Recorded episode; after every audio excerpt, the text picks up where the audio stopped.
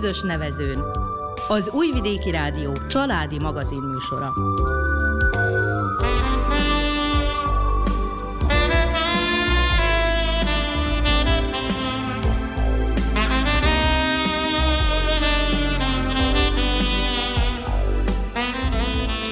Köszöntjük hallgatóinkat a mikrofonnál Nánás Janikó. És Miklós Csongor.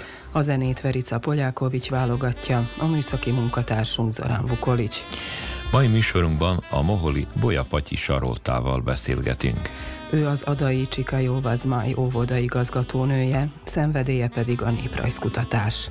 Szülőfalujában gyűjtött népmesékből, mondákból és más történetekből ebből jött létre a Pipics lámpa fényénél című könyve.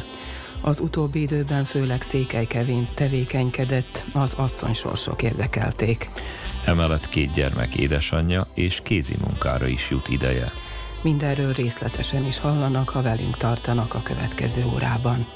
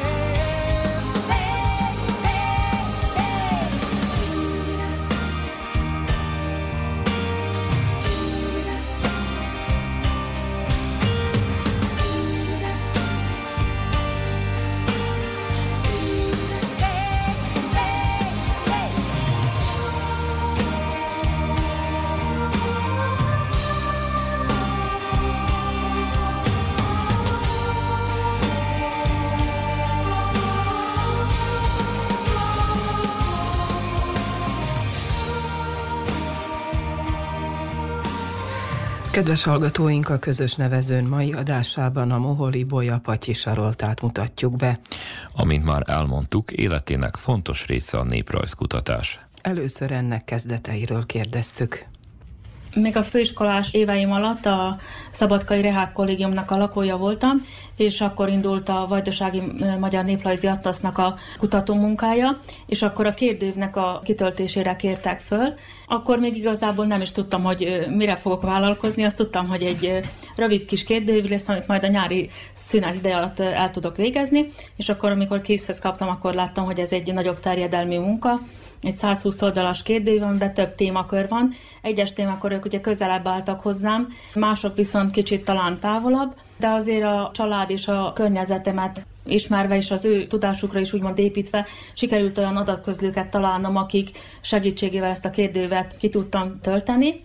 Ennek a kutatásnak a során Moholon nem találtam igazából népmeséket, mondákat, akkor azon hogy meg is lepődtem, de hát talán még fiatal voltam, nem is gondolkodtam rajta el, hogy miért nem, vagy mi ennek a jelentősége. Tehát még kutatásról volt szó?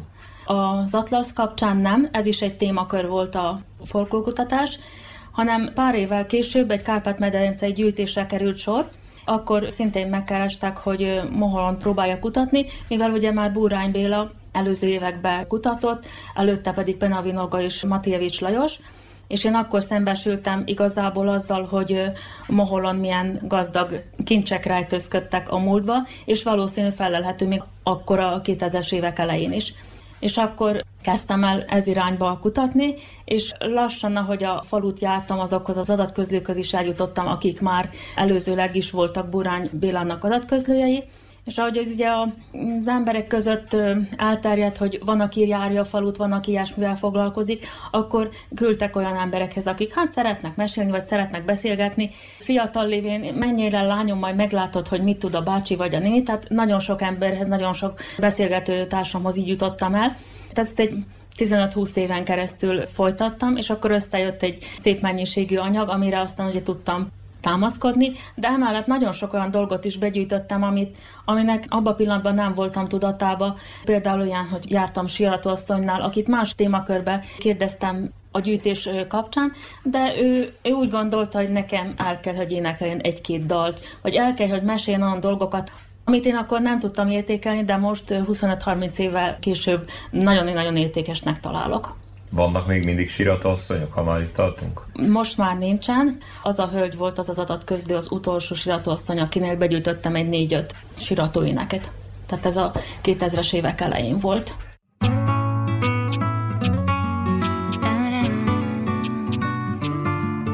akartad, ettől felforr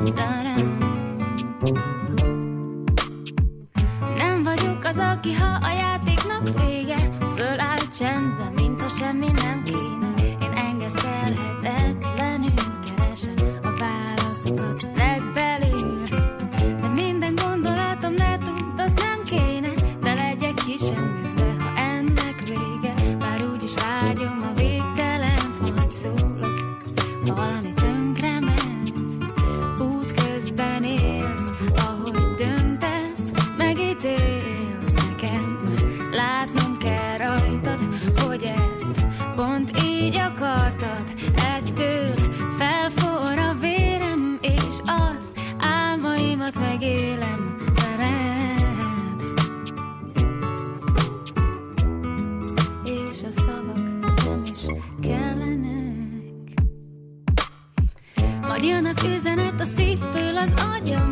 és az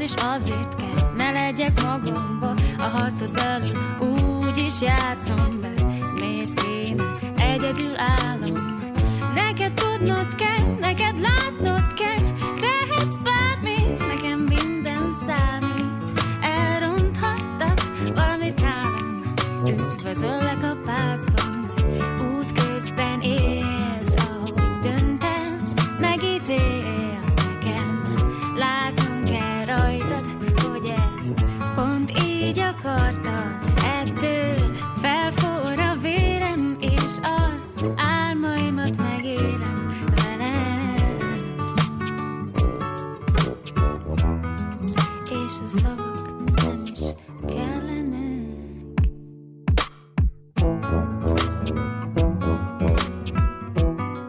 Önök a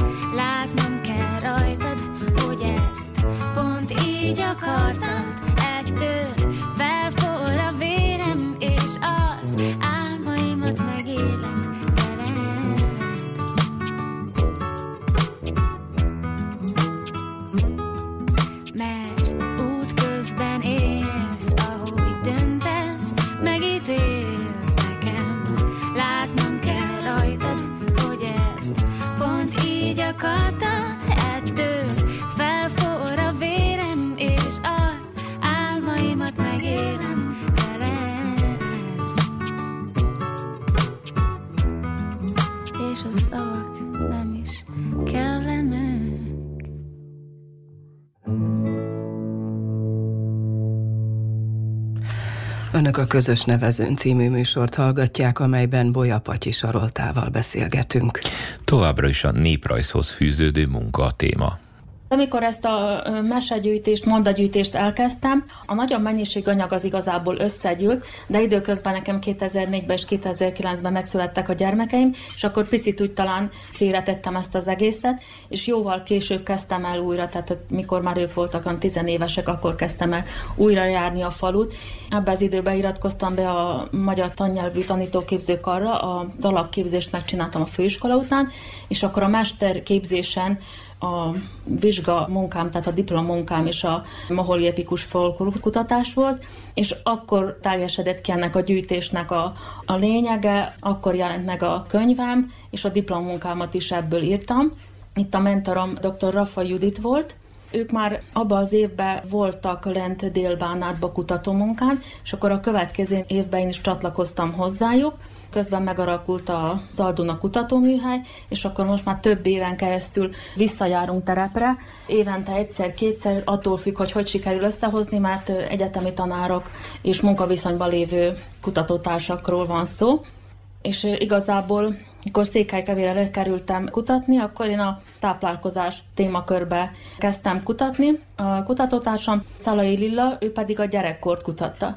És akkor, mikor egy esti beszélgetés alkalmával leültünk, tehát összegeztük a napi hallottakat, látottakat, élményeket, és akkor ugye általában ilyenkor volt az, hogy a mentorunk segített, hogy milyen irányba tudunk még utána kérdezni, akkor szembesültünk vele, hogy olyan asszony sorsokat ismerhettünk meg, ami egyedi, nem mindennapi, de viszont nagyon érdekesek. És végül is a kettőnk kutatásából utána született meg az a téma, hogy az asszony sorsokkal fogunk foglalkozni, és akkor a tradíció gyűjtőpályázatra beadtuk ezt a munkánkat, ami ott jó sikerült, jó véleményezést kaptunk, és akkor ez még egy kicsit úgy fölbátorított bennünket, hogy foglalkozunk ezzel a témával, és így akkor még egy-két-három évig ebbe az irányba orientálódtunk. Az asztonsorsokkal foglalkoztunk, most egy picit talán vissza szeretnék lépni, hogy mivel kutatótársam Lillamal a gyerekkort kikutatta, az asszonysorsok megvannak, tehát közte azt a fiatal életkort, amikor párt választanak, amikor összeházasodnak, azt a részt szeretném még kutatni. Említett egy könyvet, arról beszéljünk néhány szót, hogy melyik kutatásával is van összefüggésben. Az epikus folklórkutatással kapcsolatos, amit ugye említettem is, hogy még ott a 2000-es évek fordulóján kezdtem el, és akkor körülbelül 20 évi kutatómunka eredményeként az Életjel kiadó adta ki ezt a könyvet. Ebben 181 történet van lejegyezve, Igazából nagy tündérmesék ebben már nincsenek, ezeket a történeteket már a faluba ugye begyűjtötték előttem, de viszont nagyon sok történeti monda van, eredet monda, anekdoták jó részt, Mátyás történetek, még mindig lehet gyűjteni ilyesmit.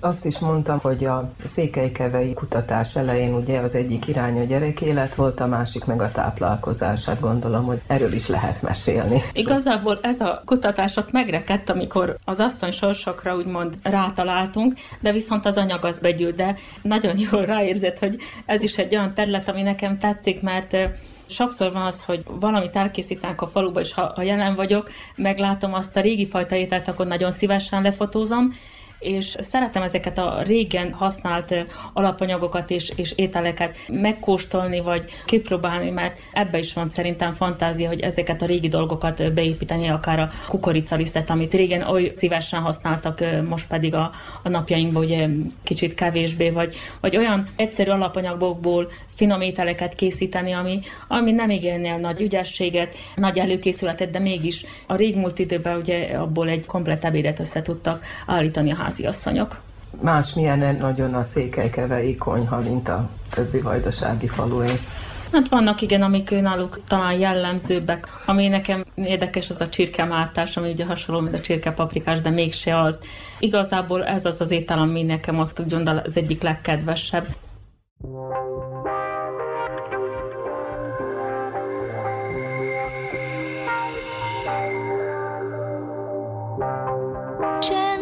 És fény a mindenség, a testem hó a szívem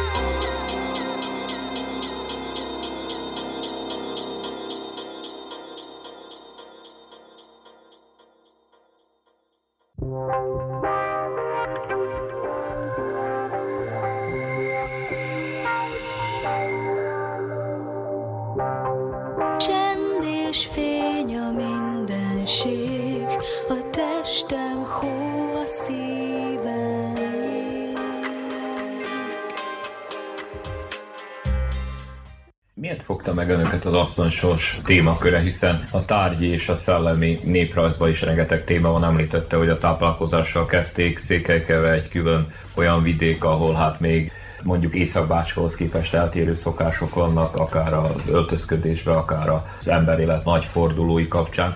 Akkor miért fogtam meg az asszonysorsok? Mi az a tézis, ami miatt ezt elkezdte csinálni?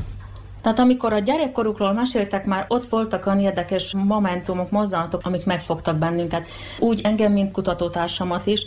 Például milyen? Például minden munkában nagyon szépen belevezették őket, mindent elmeséltek nekik, mindenbe be voltak kapcsolva. A reggeli étkezés elkészítésétől kezdve, ahogy mentek a földekre dolgozni, vagy a jószágok körüli munkába, mindenhova be voltak kapcsolva, és ők ezt úgy élték meg, hogy ebből tanulni tudtak, és ezt a tudást, ezt az otthon kapott szellemi, kulturális örökséget vitték aztán magukkal. És úgy gondolom, hogy azok a fontos momentumok, amiket ők ott nekünk elmondtak, a mai életben is simán alkalmazhatóak, vagy megállják a helyüket azok a kifejezések, vagy azok a hasonlatok, amiket ők nekünk akkor ott elmondtak.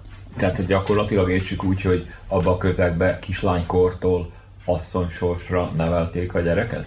Tehát a kislányoknak meg kellett tanulni úgymond a férfi és a női munkát is. Ugye jószágok gondozásába is bekapcsolták őket, de viszont a házi munkába is hely kellett nekik állniuk, és amikor fölnőtté váltak, akkor is olyan talprásett és olyan karakán egyéniségek lettek, akik bármilyen helyzetbe föltalálták magukat. Ha példát tudnék erre említeni, akkor volt olyan adatközlő, aki fiatalon megözvegyült, és ahelyett, hogy ott faluhelyen, ahol nem sok lehetőség van, szegény sorsba fölnőtt adatközlőről van szó, akinek tényleg nem volt sok lehetősége, nem esett kétségbe, hanem fogta magát és Európa több országába dolgozott, megteremtette azokat az anyagi javakat, amire önnek is szüksége volt ahhoz, hogy a gyerekét föl tudja nevelni.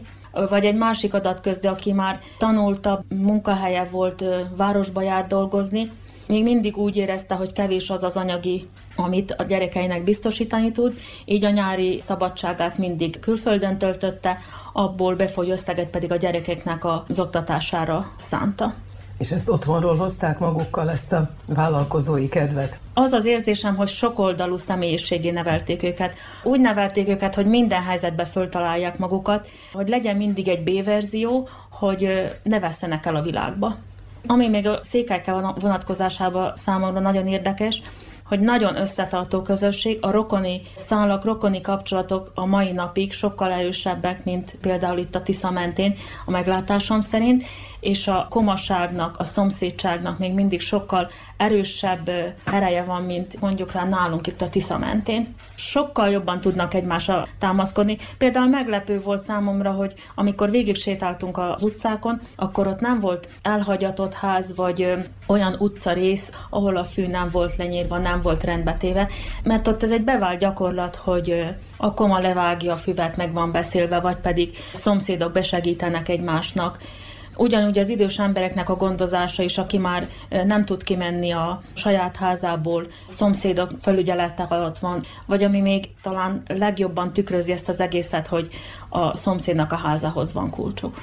Sokkal nagyobb a bizalom, mint más helyeken, úgy érzem.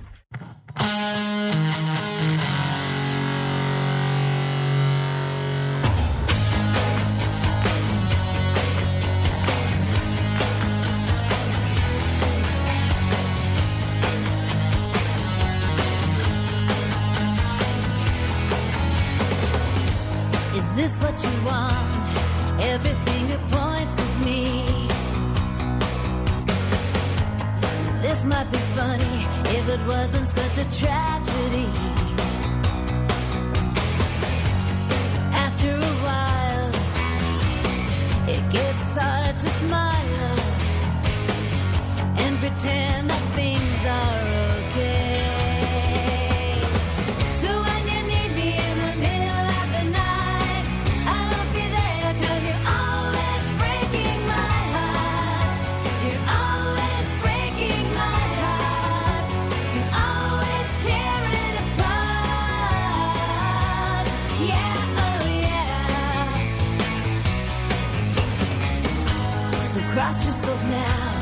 Get down on your knees and pray. But no powers from heaven could ever take the darkness away.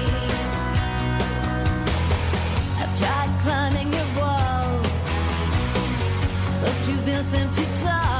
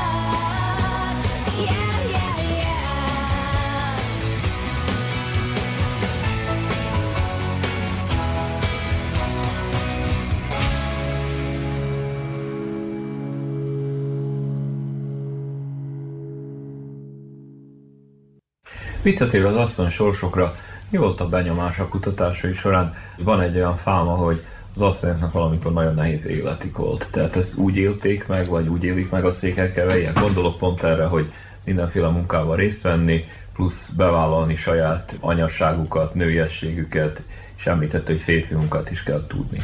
Igazából ugye székelykeveiek az 1883-as évben érkeztek ide, tehát település lakosainak is nehéz élete volt. Amikor ők ugye ide érkeztek, akkor nem volt semmi, tehát mindenki a nulláról kezdte. A nulláról kezdeni férfinak, nőnek szerintem egyaránt nehéz volt. A háború után talán lehetőség volt a nőknek is munkába állni, a, az oktatás is ugye már magasabb szinten volt, elvárták azt, hogy a gyerekek befejezzék az általános iskolát. Akkor kinyílt számukra talán egy kicsit jobban a világ. Lehetőségük adódott eljárni gyárakba dolgozni, más környezetbe is betekintésük volt, és talán itt tudtak ők kinyílni, kibontakozni. Persze nem csak ugye azon a településen, hanem egész országra jellemző volt ez, de talán ők itt kaptak szárnyakat, és itt volt az, amikor ők el tudták dönteni, hogy esetleg külföldi munkát vállalnak, vagy mernek lépni, és esetleg átveszik a férfinak a családfenntartó szerepét, mert ugye amikor külföldre költöztek ezek az asszonyok migrációba, akkor a férj maradt otthon a gyerekekkel, és a férj vállalta gyerekeknek a gondozását, akár időszakosan volt kint a hölgy, vagy például volt olyan adatközlés, aki elsőként ment külföldre, és utána vitte a családot maga után. Tehát itt egy nagy bátorság volt ezeknek a hölgyeknek a részéről meglépni ezt a lépést, hogy egyedül az idegenbe kimerek menni, vállalom ezt a nehézséget, és miért vállalom? Azért, mert a, a gyerekeimnek akarok jobbat. És talán, hogyha belegondolunk, hogy mondjuk 50-100 éves távlatban mennyit változott a világ. Tehát gondolok arra, hogy most már nem furcsa. Hát most már nem, de szerintem abban az időben, amikor a mi adatközléink kimentek, ott a 70-es években, akkor ez, ez igen-igen furcsa lehetett egy kis falu életében. Most ugye már mindennapi dolog itt a 2020-as években, hogy a hölgyek egyedül elmennek, de akkor bizony, vagy ő, például ő, nem biztos, hogy külföldre ment az asszony, de mindig föltalálták magukat a székelykevei asszonyok, nekem ez a benyomásom állandóan. Például olyan, hogy a tájből befolyt pénz, ugye az mindig az asszonynak a jövedelme volt, akkor abból túlót csináltak, amiből nagyobb pénzt tudtak kivenni. Vagy például sejemvirágokat készítettek, ami azt jelenti, hogy a szabad idejét kellett neki feláldozni arra, hogy azt a mesterséget megtanulja, és arra időt kellett szánni, hogy azokat a bizonyos kis termékeket elkészítse. Ha elkészítette, akkor pedig be kellett neki utazni a közeli nagyvárosba, hogy azt el tudja adni. Tehát tett azért, hogy ő neki jobb legyen, hogy a családja könnyebben meg tudjon élni, szabad idejét feláldozva. Itt általában nehezen indul az életük. Egyik adatközlő, aki például egyedül anyaként kiment, itt hagyta a gyermekeit, ő neki nagyon-nagyon nehéz volt érzelmileg, mivel pici gyereket hagyott itthon, férjére is, anyósára is, apósára. Tehát ezt lelkileg ő neki nagyon nehéz volt például földolgozni, és egy évig, amíg ő egyedül tartózkodott külföldön, ő állandóan azon dolgozott, hogy minél előbb megteremtse azokat a föltételeket, hogy ki tudjon menni külföldre a család utána, tehát hogy együtt legyenek. Amikor kiért a család, amikor négyen együtt voltak, akkor pedig azért dolgozott, hogy le tudja rakni az autóvizsgát, hogy megtanulja a, a német nyelvet olyan szinten, hogy képes legyen a képzést elvégezni, képes legyen megtanulni hajtani, utána, hogy tudjon venni magának autót, hogy el tudjon a családdal menni kirándulni, tehát mindig a jobb után vágyakoztak, és kemények voltak. És konkrétan ez az asszony hazatért aztán Székelykevére? Hazatért, amikor a gyerekei megnőttek, gyerekei ott maradtak kint, ott élnek a családok, unokák, dédunokák, visszatért 40 év után, úgyhogy a nyugdíjas éveit már itt tölti. Az összes adat közdi, akiről most meséltem, ők mindannyian visszatértek, és ez is egy ilyen nagy kérdőjel, nagy kérdés, hogy mi az, ami visszavonzotta őket. Erre nem kapott választ? Részben igen, én szerintem, amit már említettem is, a család amennyire összetartó, a szomszédság, a falunak a hangulata, a falunak a lélegzete, ez mind-mind visszavonzotta őket. Hogy maradt meg ez az összetartás? Mi ennek a titka, hogyha ugye ön is mondta, hogy akkor kaptak szányra, vagy akkor nyílt meg előttük a világ, amikor elkezdhettek városba járni, dolgozni, vagy külföldre járni, dolgozni, és még mindig ugye ezek a régi értékeket föntartják. Mi ennek a titka? Hát ez jó kérdés. Valószínűleg egyrészt a neveltetés is beletartozik. Szerintem az is fontos, hogy ők úgy jöttek ide, egy összetartó közösségként érkeztek. Ott három kis falu együtt lélegzik, együtt vannak. Szerintem ez mind-mind hozzájárul ahhoz, hogy ők egyként létezzenek családi szinten is, falu szinten is. Például ez az évente megrendezése kerülő Szent István napi ünnepség náluk, vagy pedig a Magyar Konyha napja, az egy akkora nagy ünnepség abban a kis faluban, hogy tényleg úgy megtelik a falu utcája néppel, hogy szinte hihetetlen, hogy lehet, hogy dupla annyian vannak, mint amennyi a falunak a lakossága, de, de ott vannak mindannyian, és együtt vannak.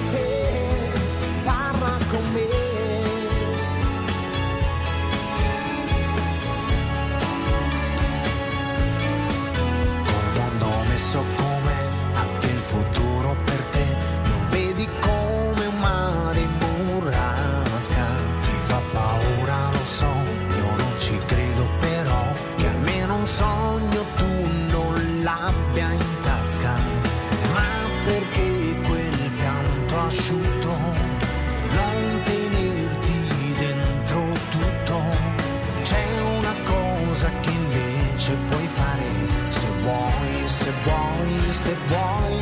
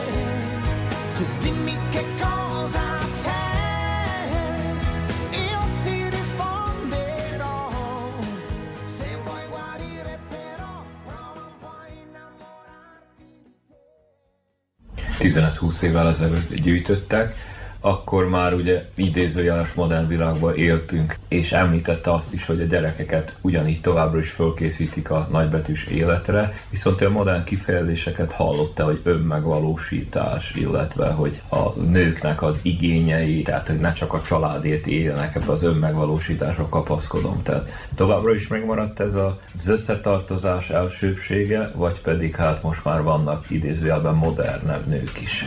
Is, is, így mondanám.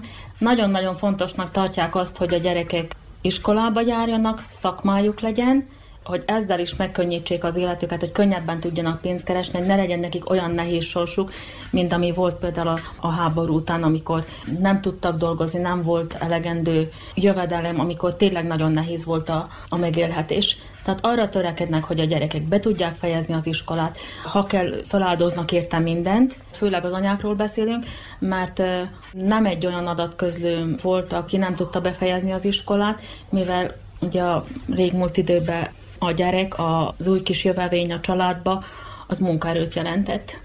És amikor már ugye ottan 12-3 éves korba kerültek, akkor már az ő munkájuk sokat ért a családi gazdaságba, és volt olyan adatközd, aki az utolsó két hetet nem tudta befejezni az általános iskolába, mert akkor olyan dolog történt a családban, hogy az ő munkájára szükség volt, és ott kellett hagyni az iskolát.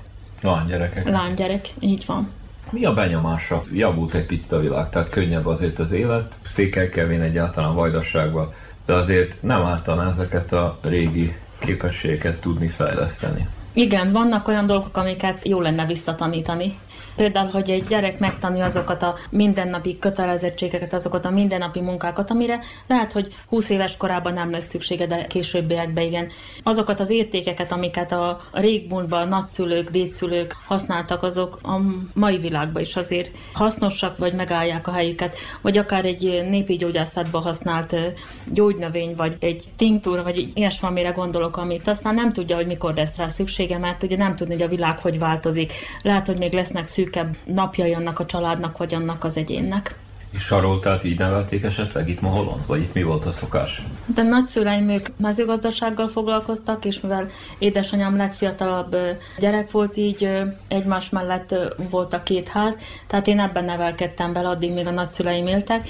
A szüleim is végül is megtartották ezeket a dolgokat, hogy saját baromfit nevelnek, kert van a ház körül, tehát valamiképpen erre nem mondom, hogy teljes mértékben önellátása, önfenntartása, de amit meg tudunk itthon termelni, azt megtermeljük, akár a hulladék újrahasznosítás például, ilyen dolgokat, vagy, vagy például mi élelmet nem dobunk ki, mert a jószág meg tudja enni. Tehát ezeket az értékeket azért itt családi szinten megőriztük. Például édesanyám a mai napig főz házi szappant, amit ugye faluban már nem sokan csinálnak.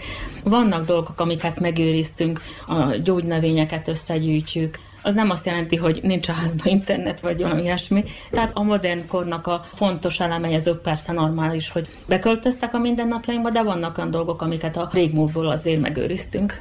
És ez tudatos mondjuk egy közösségen belül, a családba, vagy pedig hát egy falu még ilyen? Nálunk tudatos például, hogy azért van saját kertünk, hogy ne vegyszerezett zöldségeket fogyasztjunk, amennyi gyümölcsöt például be tudunk termelni, azt is, hogy sajátot fogyasztjunk, tehát ez tudatos. És Sarolta így neveli gyerekeket? Hát próbálom, de azért a mai korban szerintem ez egy picit nehezebb. Úgy érzem, hogy a régmúlt időben sokkal több időt töltött együtt a család olyan értelemben, hogy közösen mentek ki a, a földre, mert ugye az volt a munkahely.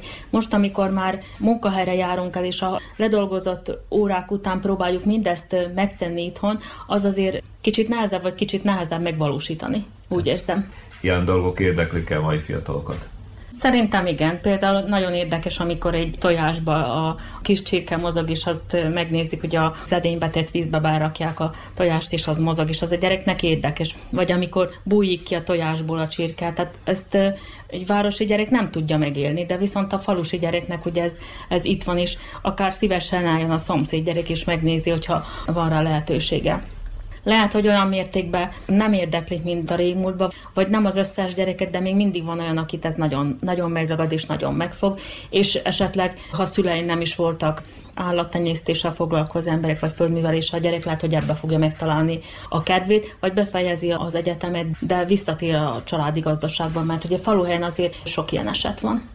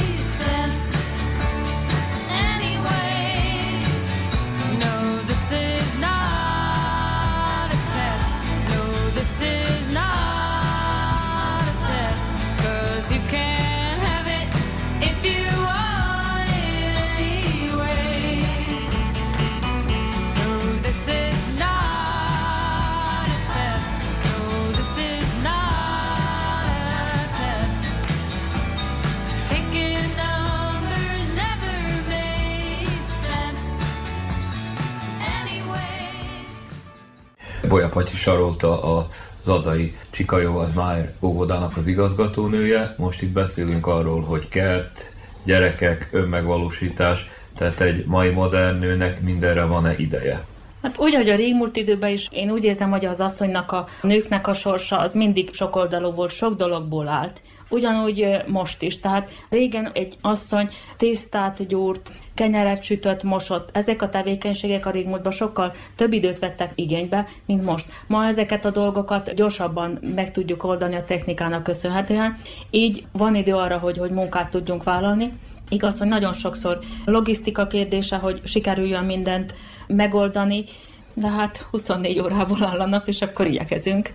Nem egyszerű, az tény és való, de férfiak helyzete se egyszerű. Én szerintem nekik is sokkal többet kell dolgozni, sokkal nehezebb megteremteni az anyagi javakat. Saroltának mi jelenti az önmegvalósítást akkor itt az elmondottak után?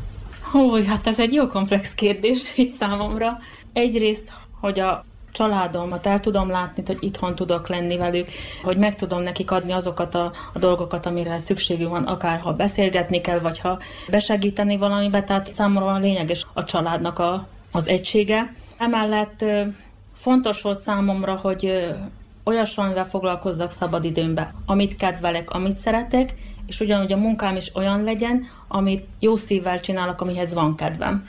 És akkor itt talán ez a óvónéi végzettség és a szabadidőben néprajzzal való foglalkozás, néha lehet, hogy úgy tűnik, hogy túl sok, meg rengeteg minden, de amikor ugye az ember úgy, úgy napokra leosztja, akkor valahol azért megmarad az egyensúly, és lehet lavírozni. Tehát amikor az egyikben már az ember belefárad, vagy napokig foglalkozik valamivel, akkor jó mással foglalkozni, ami szabadidős tevékenység. Tehát én úgy érzem, hogy így tudom megtalálni az egyensúlyt, hogy nem egy valamivel foglalkozom, hanem több valamivel, vagy hogyha már tényleg úgy nagyon fáradtnak érzem magam, akkor a kézi munkázás az, ami még plusz ki tud kapcsolni. A horgolás az, amit nagyon szeretik, és a tojásírás, amit újra így visszajött az életembe. Tizenéves koromban akkor tojásfestő versenyre mentem, tehát akkor kicsi voltam, mint akkor filztolra rajzolgattam, és a hugom tojás, és akkor nekünk ez úgy megtetszett, hogy a faluból néhányan eljutottunk versenyre, és ott ugye szép eredmény sikerült elérni, nekünk az már élmény volt, hogy elmentünk valahova, és még kaptunk is egy elismerést, hogy jó volt az a munka, amit elkészítettünk, de viszont itt volt az a mozzanat az életemben, amikor először láttam, hogy hogy írnak tojást.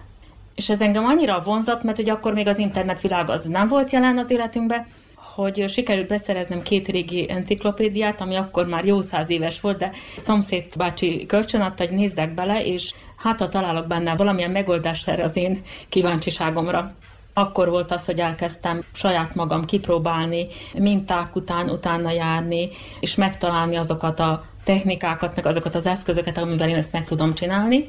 És akkor aztán később, ugye már mikor az internet világa is megjelent az életünkbe, ezután kezdtem kutatni, és néhány évvel ezelőtt, a, mióta a hagyományok ö, háza hálózatnak van zsűriztetési lehetősége, most egy néhány alkalommal zsűriztettem, és szeretném a következőkbe is ezt folytatni. Erre is talán egy picit több időt szánni, mert ez még egy olyan terület, ami, ami vonz. Tehát itt a kézművesség és a néprajz valahol találkozik, és magában az a húsvét kultusza olyan vonzó számomra, hogy úgy mondjam.